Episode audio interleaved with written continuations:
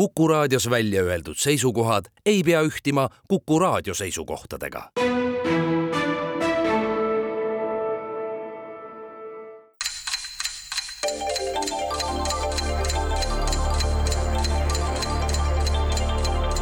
tarkade klubi targemaid küsijaid toetab lisateadmistega Postimehe raamatukirjastus tere taas, Kuku raadio Tarkade klubi tervitab häid kuulajaid, ennast juba mugavalt sisse seadnud viinakuu esimesel laupäeval. ajal, mida vanarahvas on nimetanud muide kõige igavamaks perioodiks aastas ja osalt tõesti ka hingede aja tõttu on oktoober jäänud meie rahvakalendris kõige tähtpäevade vaesemaks. ja tõtt-öelda vaevlema ka identiteedikriisi, mida iseloomustab kõige paremini kõnekäänd oktooberi ei ihalda vankriratast ega reejalast on viimane aeg kõrvitsavõtuks ja pihku itsitamiseks, kui alati ettearvamatu ilmataat just oktoobris näitab seda palet, et meie Keskkonnaagentuuri ilmateenistuse ennustatud välisilmale trääsa näitab ja vastupidiselt toimetab. no on ju kahju rõõm, hoolimata sellest, et meie ilmateenistusega saab seda nalja kogu aeg.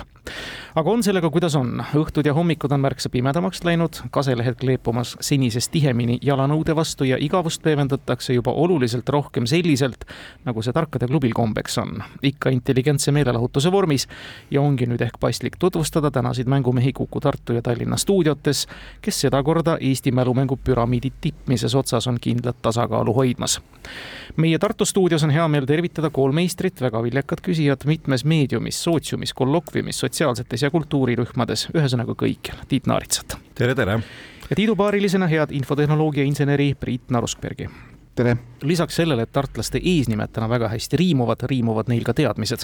Priit on valitsev Tartu üksikmängumeister, kes selleks krooniti Tiidu küsimustele vastates ja pigem on tõenäoline, et Tiit Priidu küsimustele vastates kroonitakse järgmiseks Tartu meistriks. aga Tallinna stuudios istuvad mängijad on ka korduvalt üksteise küsimustele vastanud ja mitte lihtsalt stiilis, kuidas läheb, vaid ikka, kas sa viiekümne seitsmenda aasta Oscari võitjat filmilaulu tead. hea meel on stuudios tervitada rahapesu tõkestajat Kaarel Silmatat. hei, hei, hei ja rahapesu jälitavat ehk audiitorit Viljar Arnekit. tere! hea meel teid kohata ja olgu siis antud ka vastus kuuldud küsimuse, milleks on kes sera sera, meie keeles tuntud paremini kui ka ei me ette tea. aga tegelikult teame küll, viis teemat, milles igaüks on kaks küsimust, on täna järgmised. Slava Ukraini, venelane olen ja venelaseks jään, kultuur, Vaaria ja Jaan Tatika töömailt küsimused on täna tulnud Kivimäe kooli ajaloo ja ühiskonnaõpetuse õpetajalt Margus Pillault, raadiokuulajatelt Janar Tiirojalt, Joosep Aialt ja Vladimir Suhharevilt. alustame ja anname avavaliku õiguse tartlastele, Tiit ja Priit, palun. nii, mis me siis sinna äh, esimeseks valime, et äh, kuidas sul tundub? et noh, kõige originaalsem ilmselt on äh, see Jaan Tatika teema mina vist alustaks kultuuriga võib-olla, ma ei tea. aga jah, võtame pigem kultuuri, et, et sealt võib-olla on isegi lootust midagi saada. kindlasti. aastast kaks tuhat kümme välja antav Politsei- ja Piirivalveameti konkreetsetele valdkonnapõhistele teemadele keskenduv ajakiri kannab sama nime, mis aastatel tuhat üheksasada seitsekümmend seitse kuni kaheksakümmend seitse tegutsenud Eesti üks popmuusikat, progerocki ja jazz fusionit viljelenud bänd mis on see ühine nimi või pealkiri. vastavat ajakirja on seni kaks korda aastas välja antud, aga siiani viimane number ilmus juba mullu novembris. ajakirja peatoimetaja on Kerli Virk kuid selle ansambli kolmekordse Tartu muusikapäevade Grand Prix laureaadi ja kaheksakümne viienda aasta sama Tartu päevade parima instrumentaalkollektiivi tiitli pälvinud direktor ehk praeguses mõistes mänedžer oli mees, kelle perekonnanimi kattub sisuliselt ühe auastmega, mida tänapäeva Eesti politsei ja piirivalve auastmete loetelus kummatigi ei leidu, aga mitmetes teistes riikides, muuhulgas ka korravalvurite süsteemis küll väga palju vihjeid. jah, et äh, kui sa küsid ainult seda ajakirja nime, siis sul tuli siin päris palju infot peale ja tekkis selline juba rõõmus rahulolu, et ma tean vastust ja see pool, ülejäänud pool jutust läks peaaegu kõrvust mööda siis äh, tule, tuleb äh, lihtsalt öelda, et, et kuna sa ütlesid mõni tutvustuseks, et jah, et, et mees, kes ma ei tea, sootsiumites, meediumites, kolokviumites küsimusi teeb, siis äh, jah, üks Eesti-teemaline telemäng äh, nõuab väga palju küsimusi, sealhulgas enamasti jaburaid aga olen ka seda seal küsinud ja tean, et, et see ajakiri on Radar ja bänd ka. väga õige, Radar ja ansambli direktor on Raivo Sersant, nii et viide oli siin ka siis auastmele. ma mõtlesin, et sa hakkasid mingit auastmest rääkima, et tahad seda ka, eks ole. ja ei, kõik aga, õige. aga seekord Radar ainult siis jah. välk vastus siit tuli oodatult tegelikult saatejuhi poolt. meil oli jah lootus, et kui me Sersanti ära ütleme, äkki saame pool punkti. pool punkti, nii. moraalselt kindlasti saate. Kaarel Viljar, selle moraalse te olete juba saanud no teine kultuur. võtame siis selle teise kultuuri. ja vaatame, kas tuleb sama välk vastus. kahtlustan küll. Janar Tiiroja kuulaja küsib. Ivan Brighti raamat Hingan vee all on kuusteist pluss vanusele lugejale mõeldud erootiliste stseenidega raamat. muidu võiks see raamat märkamatuks jääda, kuid Ivan Brighti pseudonüümi taga peitub mees, kes kunagi alustas kooliteed Ukrainas Odessas, aga teist klassi juba Tallinnas. mõlemad kaunid mereäärsed paigad. kes on Ivan Brighti pseudonüümi taga? Kõik vihjed olid siin olulised. hing vee all. keegi, kes tegeleb sukeldumisega. kuusteist pluss, mingi erootiline. oh jah, oota, Ivan Bright, see ei ole üldse normaalne nimi ju. Ivan on siis mingi Johannes või Jaan ja Bright on mingi hele või valge, valge. Beelõi, Svet. Jaak Valge, jah, siis ma ei tea nüüd jah, kas ta. Oponendid on äärmiselt abivalmid. vee all hingab. aga, aga tingimata mitte õiges suunas suunavad. Ehm, jah, otseselt niisugust pseudonüümi kuulnud pole, aga, aga siin, kui kõik asjad on vihjed, siis sündis Odessas, teine klass Tallinnas. mõlemad kaunid mereäärsed paigad. mereäärsed. vist kui hakata mingite Eesti tuntumate tuukrite ja sukeldajate peale mõtlema, ei, see ei ole tõenäoliselt päris õige suund. suure tõenäosusega mitte jah, mereäärsed, nii, aga midagi, midagi merega seotud. nojah, Sander Puri ei ole ka kindlasti õige vastus. ei, aga kas ta, ta kirjamees või oli seal öeldud ka või? oli ta rohkem mingist muust valdkonnast tuntud? vot ei ole täpsustatud seda jah. ja, jah, siis ta on ilmselt kuskilt muul, muult alalt pärit ja siis kirjutas oma lõbuks mingisuguse vee all, mm,. tunnistan, et ma ei tea, kas õnneks või kahjuks siiski täiesti tundmatu teos. täiesti noh, jah, aga on põhjust, põhjust minna raamatukoguga laenutama nüüd. ma ei oleks selles kohe nii kindel ma. nüüd otseselt pead ei anna, et ma nüüd kohe lähen jah, et aga äh, okei Ivan, ja, jah, tõesti Jaan Johannes, Jaan, Johannes äh,, Ivano, Jaanus, John, Bright, Särav, Hele, Valge. kuule, aga kui mõtleme sedapidi, et noh, kui tõenäoline on, et mingid eestlased sündisid Odessas, see on kindlasti võimalik, aga pigem võib võimalik olla, et Nõukogude ajal koliti siia Tallinna kanti küll, aga on mitte-eestlane. noh, jah, ka võimalik. oota, aga, aga kui rõhutati mereäärsed, kas see on siis kuidagi, on ta äkki seotud mingisuguse Saar, laevade Kal-, kal- laevadega, kal-, kallas, nojah, aga milline kallas, ma arvan ka, et mitte, mitte ükski praegustest näiteks valitsusse kuuluvatest kallastest ei, ei kval- kvalifitseeru. jah, ilmselt mitte. sadam, sadam, meremees, oota, aga ma ei tea, Jaan Tätte ei ole vist ka ei, kindlasti mitte Ivan Bright. kui ma hakkan mõtlema nüüd ühte inimest, kes no jah, ja ma, ma hirmsasti vabandan, kui ma nüüd tohutult liiga teen, aga, aga inimene, kellel võiks olla seos Eestiga, Ukrainaga, nimed nüüd jah, ei ütle midagi, aga, aga Anatoli Tafitšuk võiks üpris selgelt olla pigem Ukraina-pärane nimi. seda kindlasti jah, aga, aga Aga- kas, aga- oot, aga oot, muud- oot, oot, ta ei ole Tallinnast, ta on äkki kuskilt Oisu kandist äh, või kuskilt Türi kandist või kuskilt sealt vist äh,.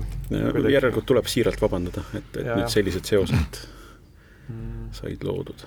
rämpskirjanduse lugemata jätmine maksab kätte. no ära nüüd ütle, Rämps pole lugenud, sa ei tea. Educated guess. okei okay., nii, aga ikkagi mereäärsed, see peab viitama hele, särav. hiilgav. no kuramus, Vladimir Svet see ka ometi ei ole. no ilmselt jah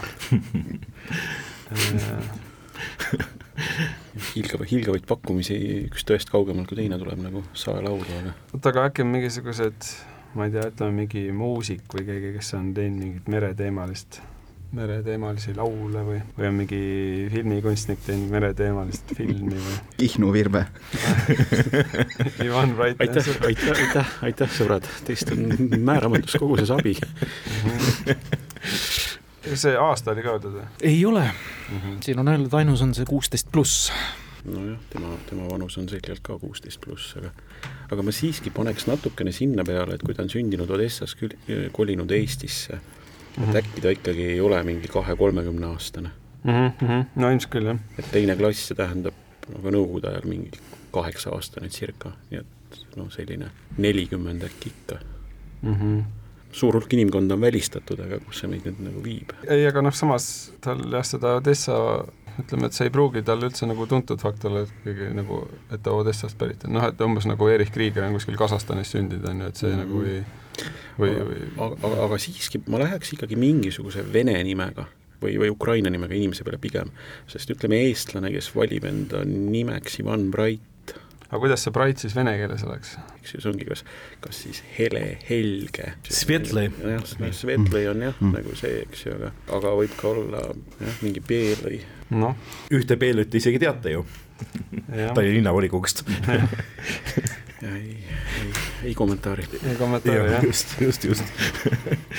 ausalt öeldes ei oska nagu midagi pakkudagi. ma ei tea, tõesti nüüd jälle vist tuleb, tuleb nagu juba teine vabanduskiri kirjutada, aga, aga siis tõesti Vladimir Svet. ei ole üldse paha pakkumine muuseas ja ma usun, et Vova Svet on, tal on kindlasti hea meel ennast kuulda selles saates ka vale vastusena küll, aga siiski. No tartlaste nii-öelda aim lasi aimata ja nende huumoritujad, neil tuli ka vastus kohe ära. ei no ikkagi äh, alustame sellest, et raamat on loomulikult raamatukogust korduvalt laenutatud mm. -hmm. läbi töötatud, teatud kohad alla joonitud ja, ja ei ütle, millised kohad, eks ole, aga no siin oli küsimuses ühesõna- öeldud, millised ühesõna- kohad. jah, ühesõnaga see tähendab tegelikult nali naljaks, aga jällegi ikka needsamad sootsiumid, meediumid, kolokviumid, jällegi on kuskilt rämps fakt meelde jäänud, et ta vist enne olümpiamänge või midagi kirjutas valmis ja ühesõnaga, et olümpial ei teinud suurt midagi, aga, aga aga see-eest kirjutas kenakese raamatu, mis küll väga palju vastukaja pole pälvinud, see on jah, mees merelt purjetaja Deniss Karpak. Õige, olümpiapurjetaja Deniss Karpak, üks nendest, kes on Eestit kolmedel olümpiamängudel esindanud, suurepärane teadmine.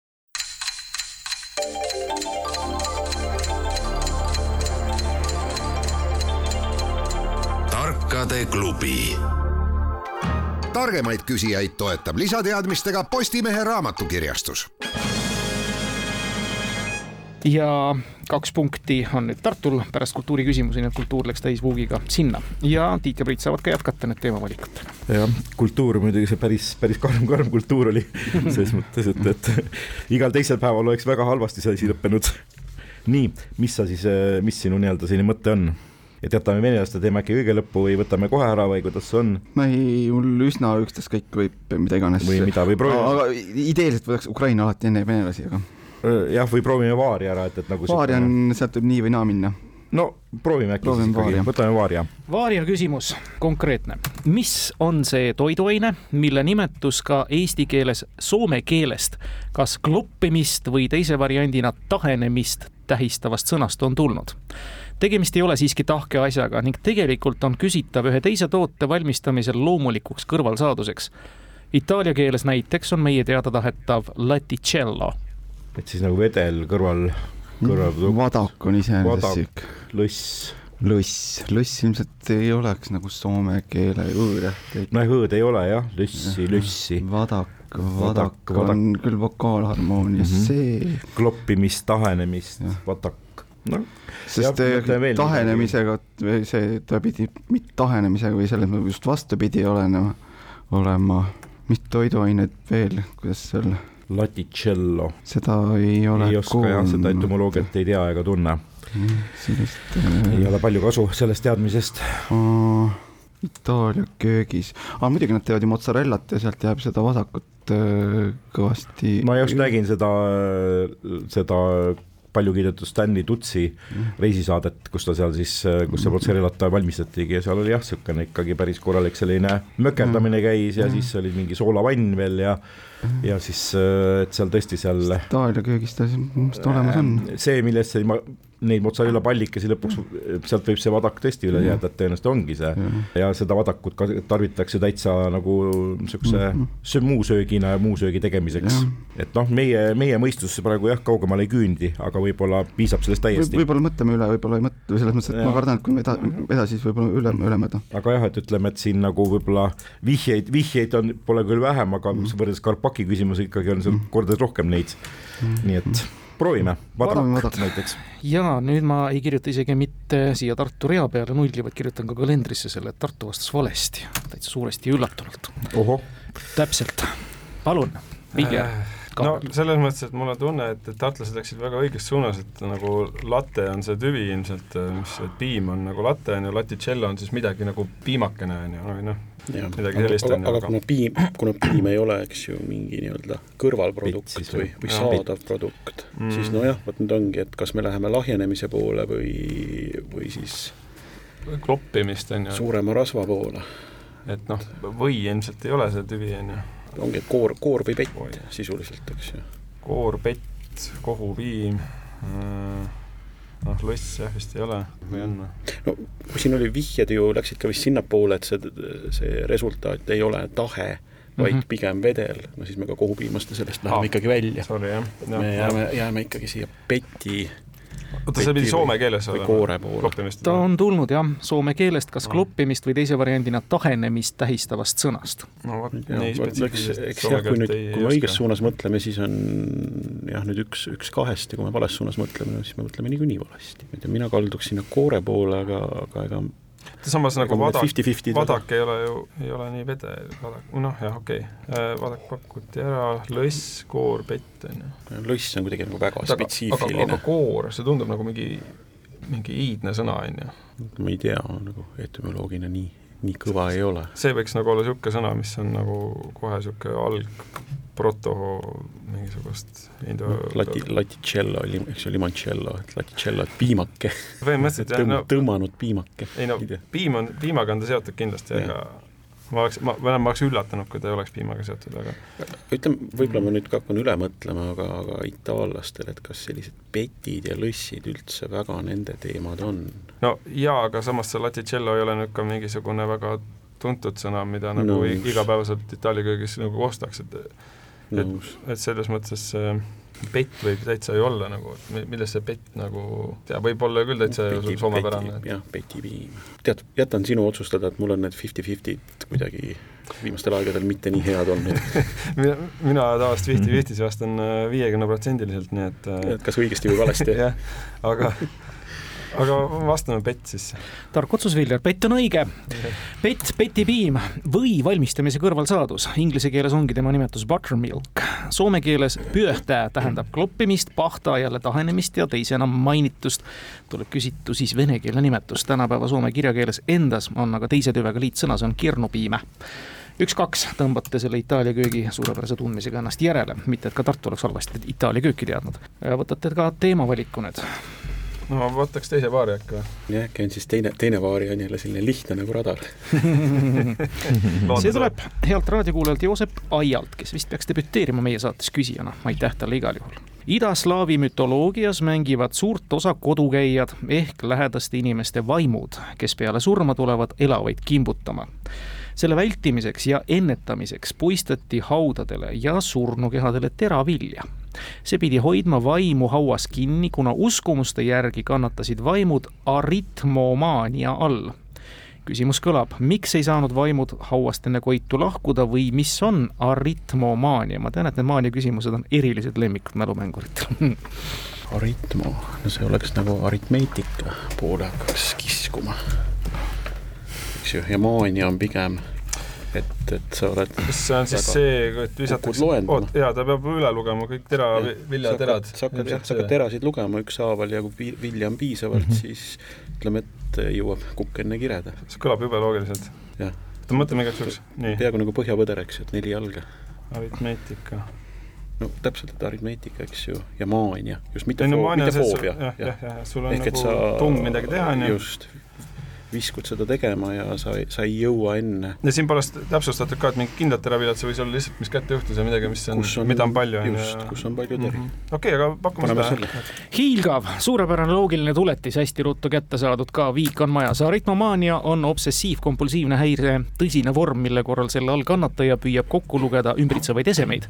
vaimude puhul ei pääsenud nad hauast välja, kuna hakkasid kõik viljateri üle lugema, see aga võttis nii palju aega, et ennem jõudis Koit kätte. kaks-kaks, jätkame liigiseisult, kõik küsimused on läinud täispangale, kultuuri Vaaria läinud. Tiit-Priit, valige nüüd Ukrainat, Venemaad või Jaan Tatikat. no nii, nüüd on jah siis see, et mida võtta, mida jätta, sinu loogika on seal paigas, aga kas võtame siis Ukraina? no võtame Ukraina. võtame Ukraina, jah. meie ühes hiljutistes saadetes küsitud rahvalaulusid, duumasid, on oma kogumis ka omapäraseks Ukraina eeposeks peetud. Kalevala või Kalevipoja formaadis teos selle rahva kirjandusloos siiski aga puudub.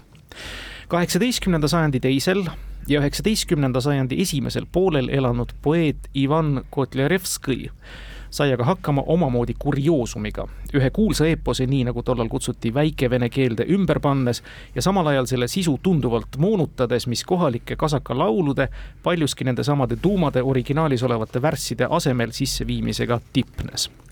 sestap on antud üllitist ka algse suurteose paroodiaks hinnatud. millist eepost Kotlerevskõi siis nõnda viisakalt öeldes kohandas või mugandas?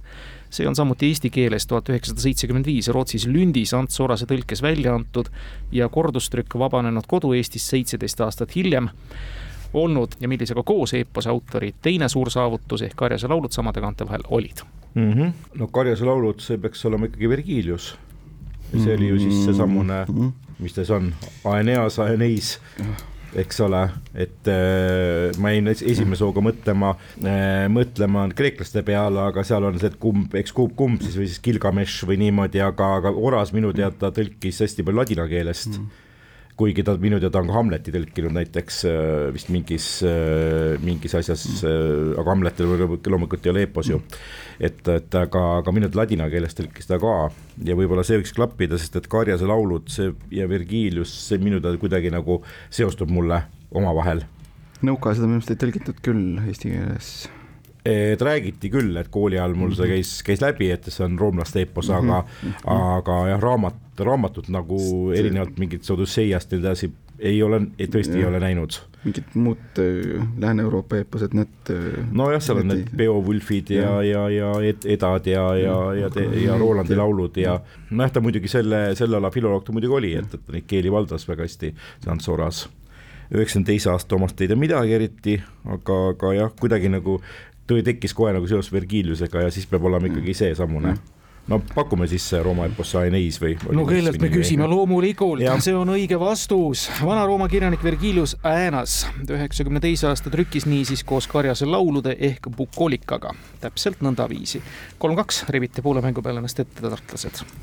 Kaarel ja Viljar, teie valik, ma nägin, et teil oli ka muidugi vastus kohe olemas. noh, antiikeposi oleks tahtnud ise vastata jah, aga Äh, need on samamoodi läbi töötatud nagu need Ivan Brati teosed, eks ole. sai kunagi isegi tõlgitud seda, aga ma ei tea, Viljar vali. nüüd ongi, et kas, kas liikuda niimoodi paarisrütmis, et võtta teine Ukraina ja loota, et kah alt ei vea, võtame selle teise äkki no, ära. ahvime Tartut, jah. nõnda. Rodion Raskolnikov on karakter maailma kirjandusklassikasse kuuluva vene kirjaniku Fjodor Dostojevski tähtteosest Kuritöö ja karistus kes aga olid või on raskolnikud.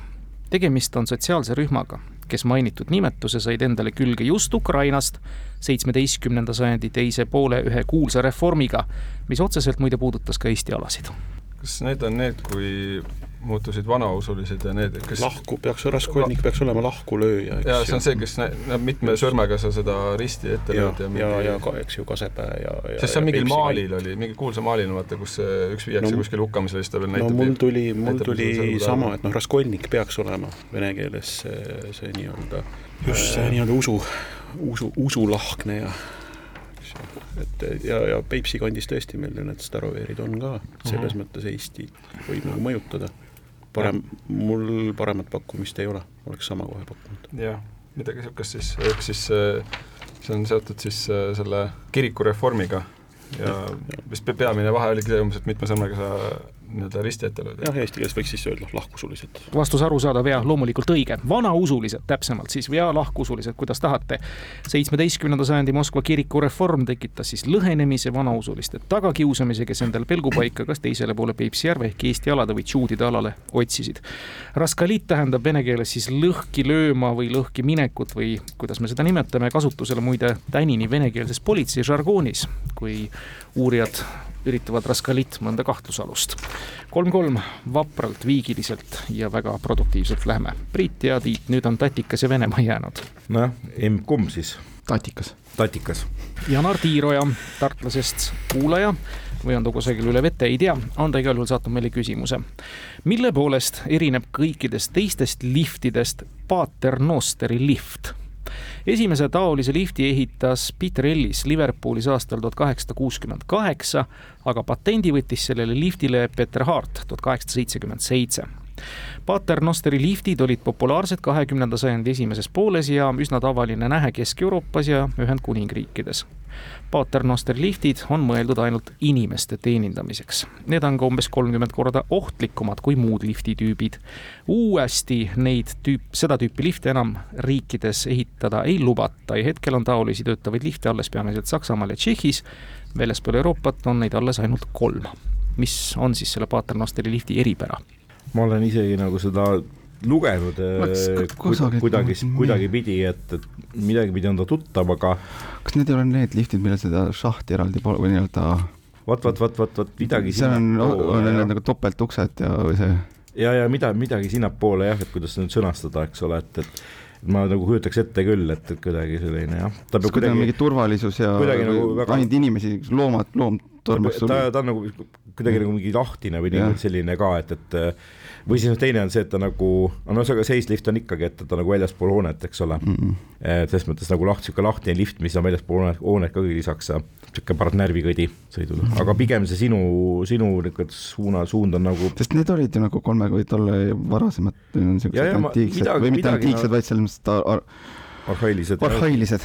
midagi jah. oleks jah nagu lugenud selle kohta, aga täpselt nagu ei oska seletada, et kuidas see põhimõte on, et kui mis kui vastus nüüd kirjeldatakse, siis, jah, kuidas, kuidas seda nüüd täpselt sõnastada, et äh, no eh, meil on siin suur juhtiõpetaja ju Tartust, Andres Keil, hakka nüüd siis rääkima, et eh, Timo võtab nüüd ühe, ühekordsete ustega või kuidas, kuidas seda nimetada? jah, midagi taolist, eks ole.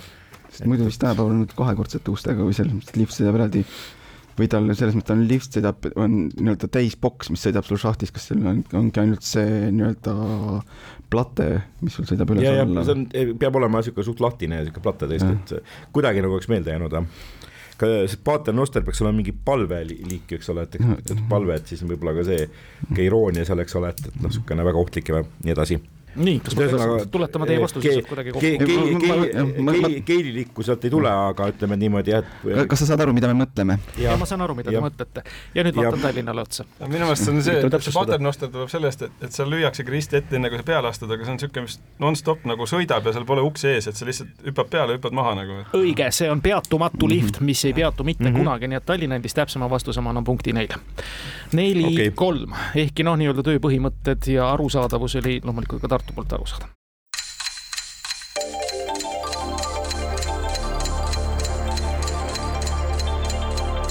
tarkade klubi targemaid küsijaid toetab lisateadmistega Postimehe raamatukirjastus aga Tallinn Mhm. läheb neli-kolm ette, Viljar Kaarel saate nüüd valida.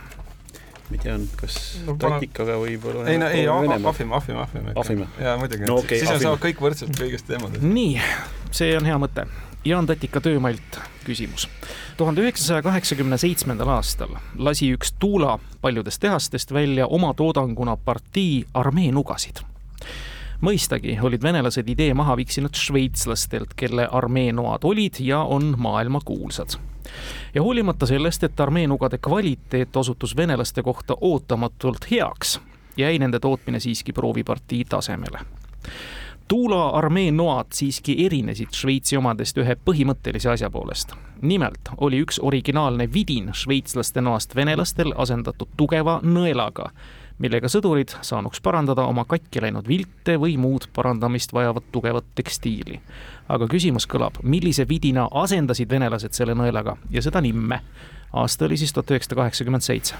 mõeldes nüüd aasta peale, et mul on, mul on äkki pisikene eelis nüüd Kaarli ees, eks ju, et, et ma mäletasin, aga, aga ei tarbinud sel ajal muidugi veel. et kaheksakümmend seitse oli selline aeg ju Venemaal, kus tegelikult alk-, nii-öelda viin oli kuulutatud alkoholiks, et ja, ja oli suhteliselt kuiv seadus. et korgitser ja kui sa mõtled, jah, kui sa mõtled Šveitsi armee noale, eks üks ikoonilisemaid asju on seal korgitser.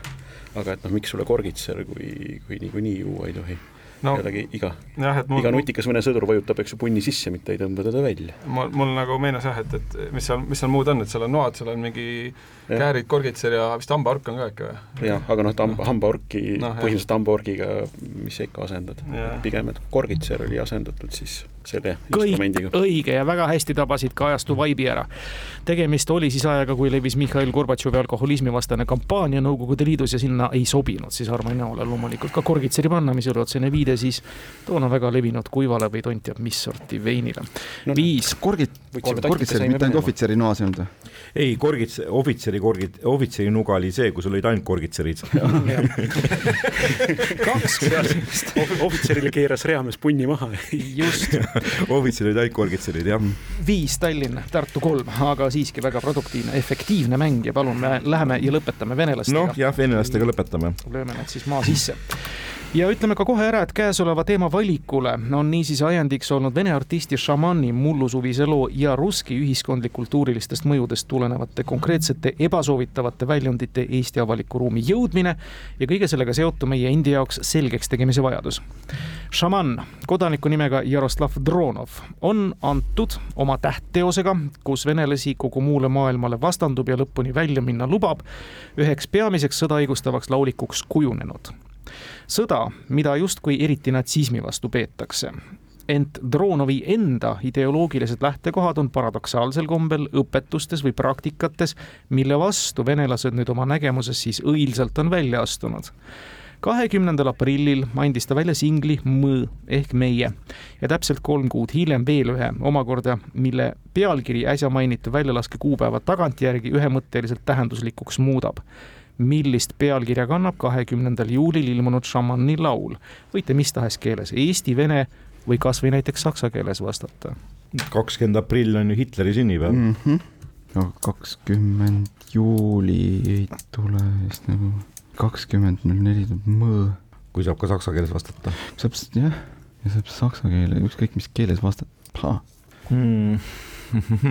Nii siis nagu öeldud, see kahekümnes aprill ja kolm kuud hiljem andis veel ühe, mille siis äsja mainitu väljalaske kuupäeva tagantjärgi ühemõtteliselt tähenduslikuks muudab.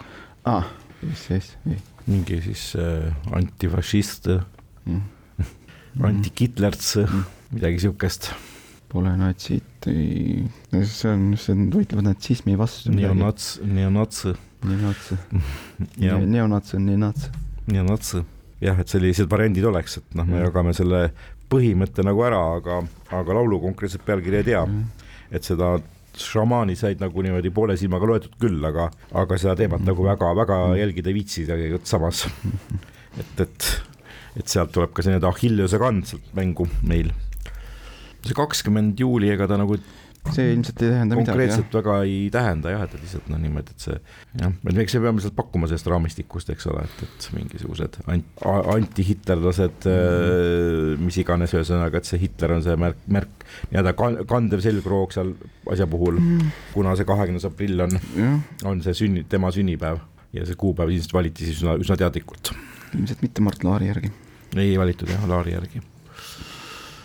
Ega ka mõne teise järgi, kes seal sündinud on samal päeval jah, kuigi, kuigi see küsimus nagu viitab selle, et see võiks olla mingi sõna, tähendab konkreetne nagu mitte see, see nagu nimi ei ole, et see on, vaid see on sõna, et, et see on nagu see, paneb nagu natuke mõtlema, et mida sellest täpselt võiks tahta või, või vastata. Berliin.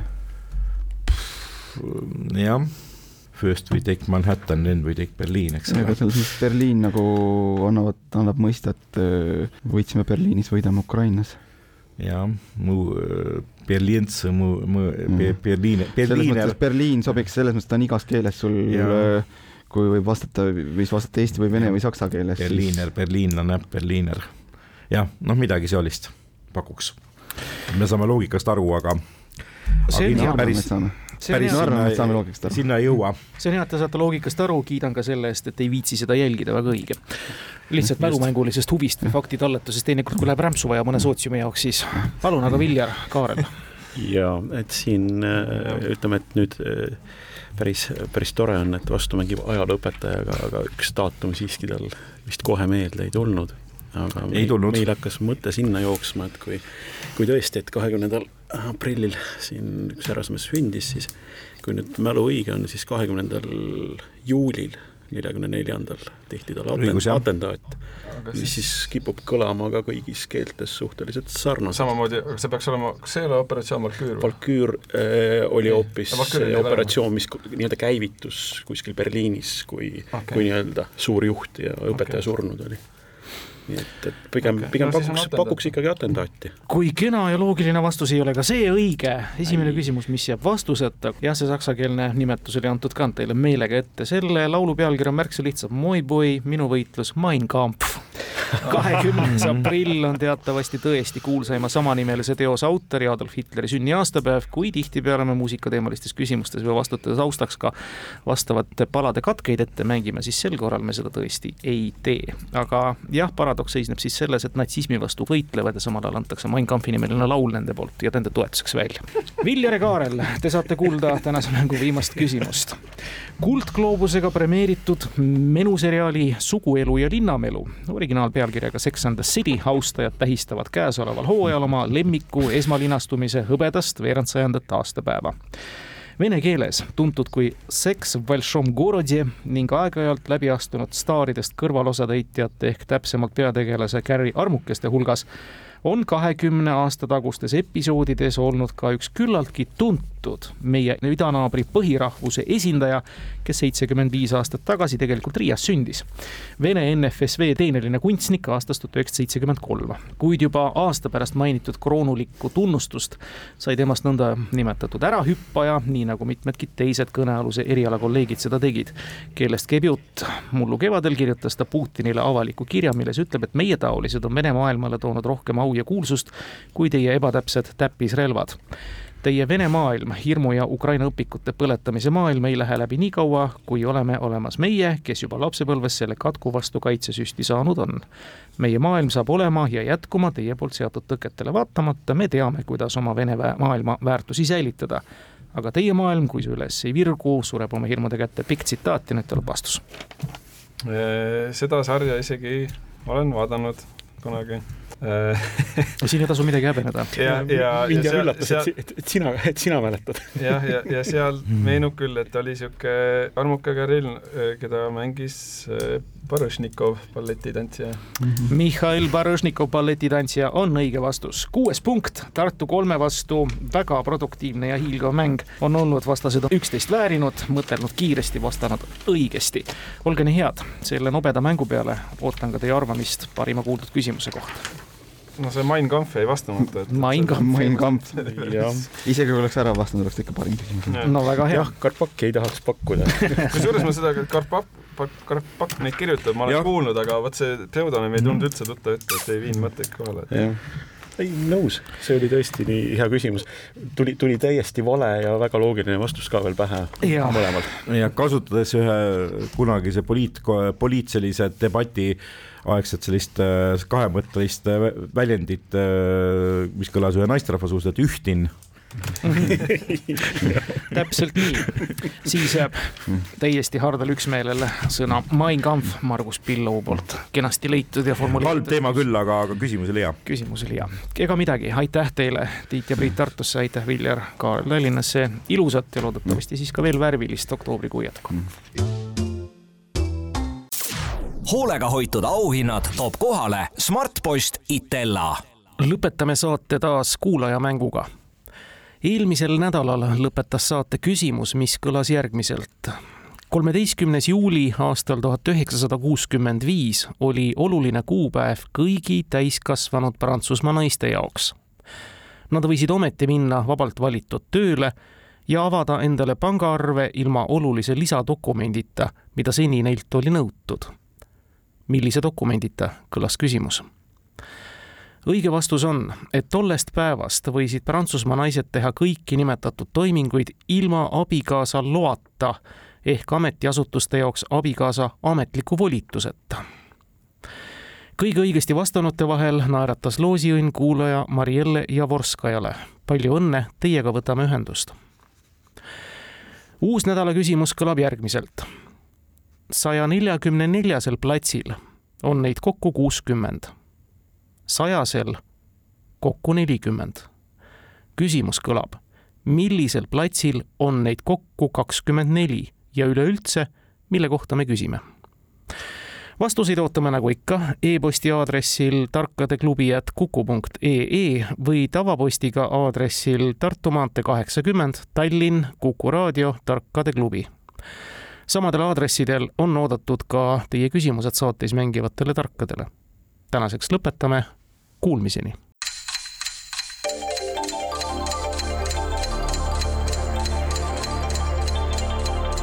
Tarkade klubi. Targemaid küsijaid toetab lisateadmistega Postimehe raamatukirjastus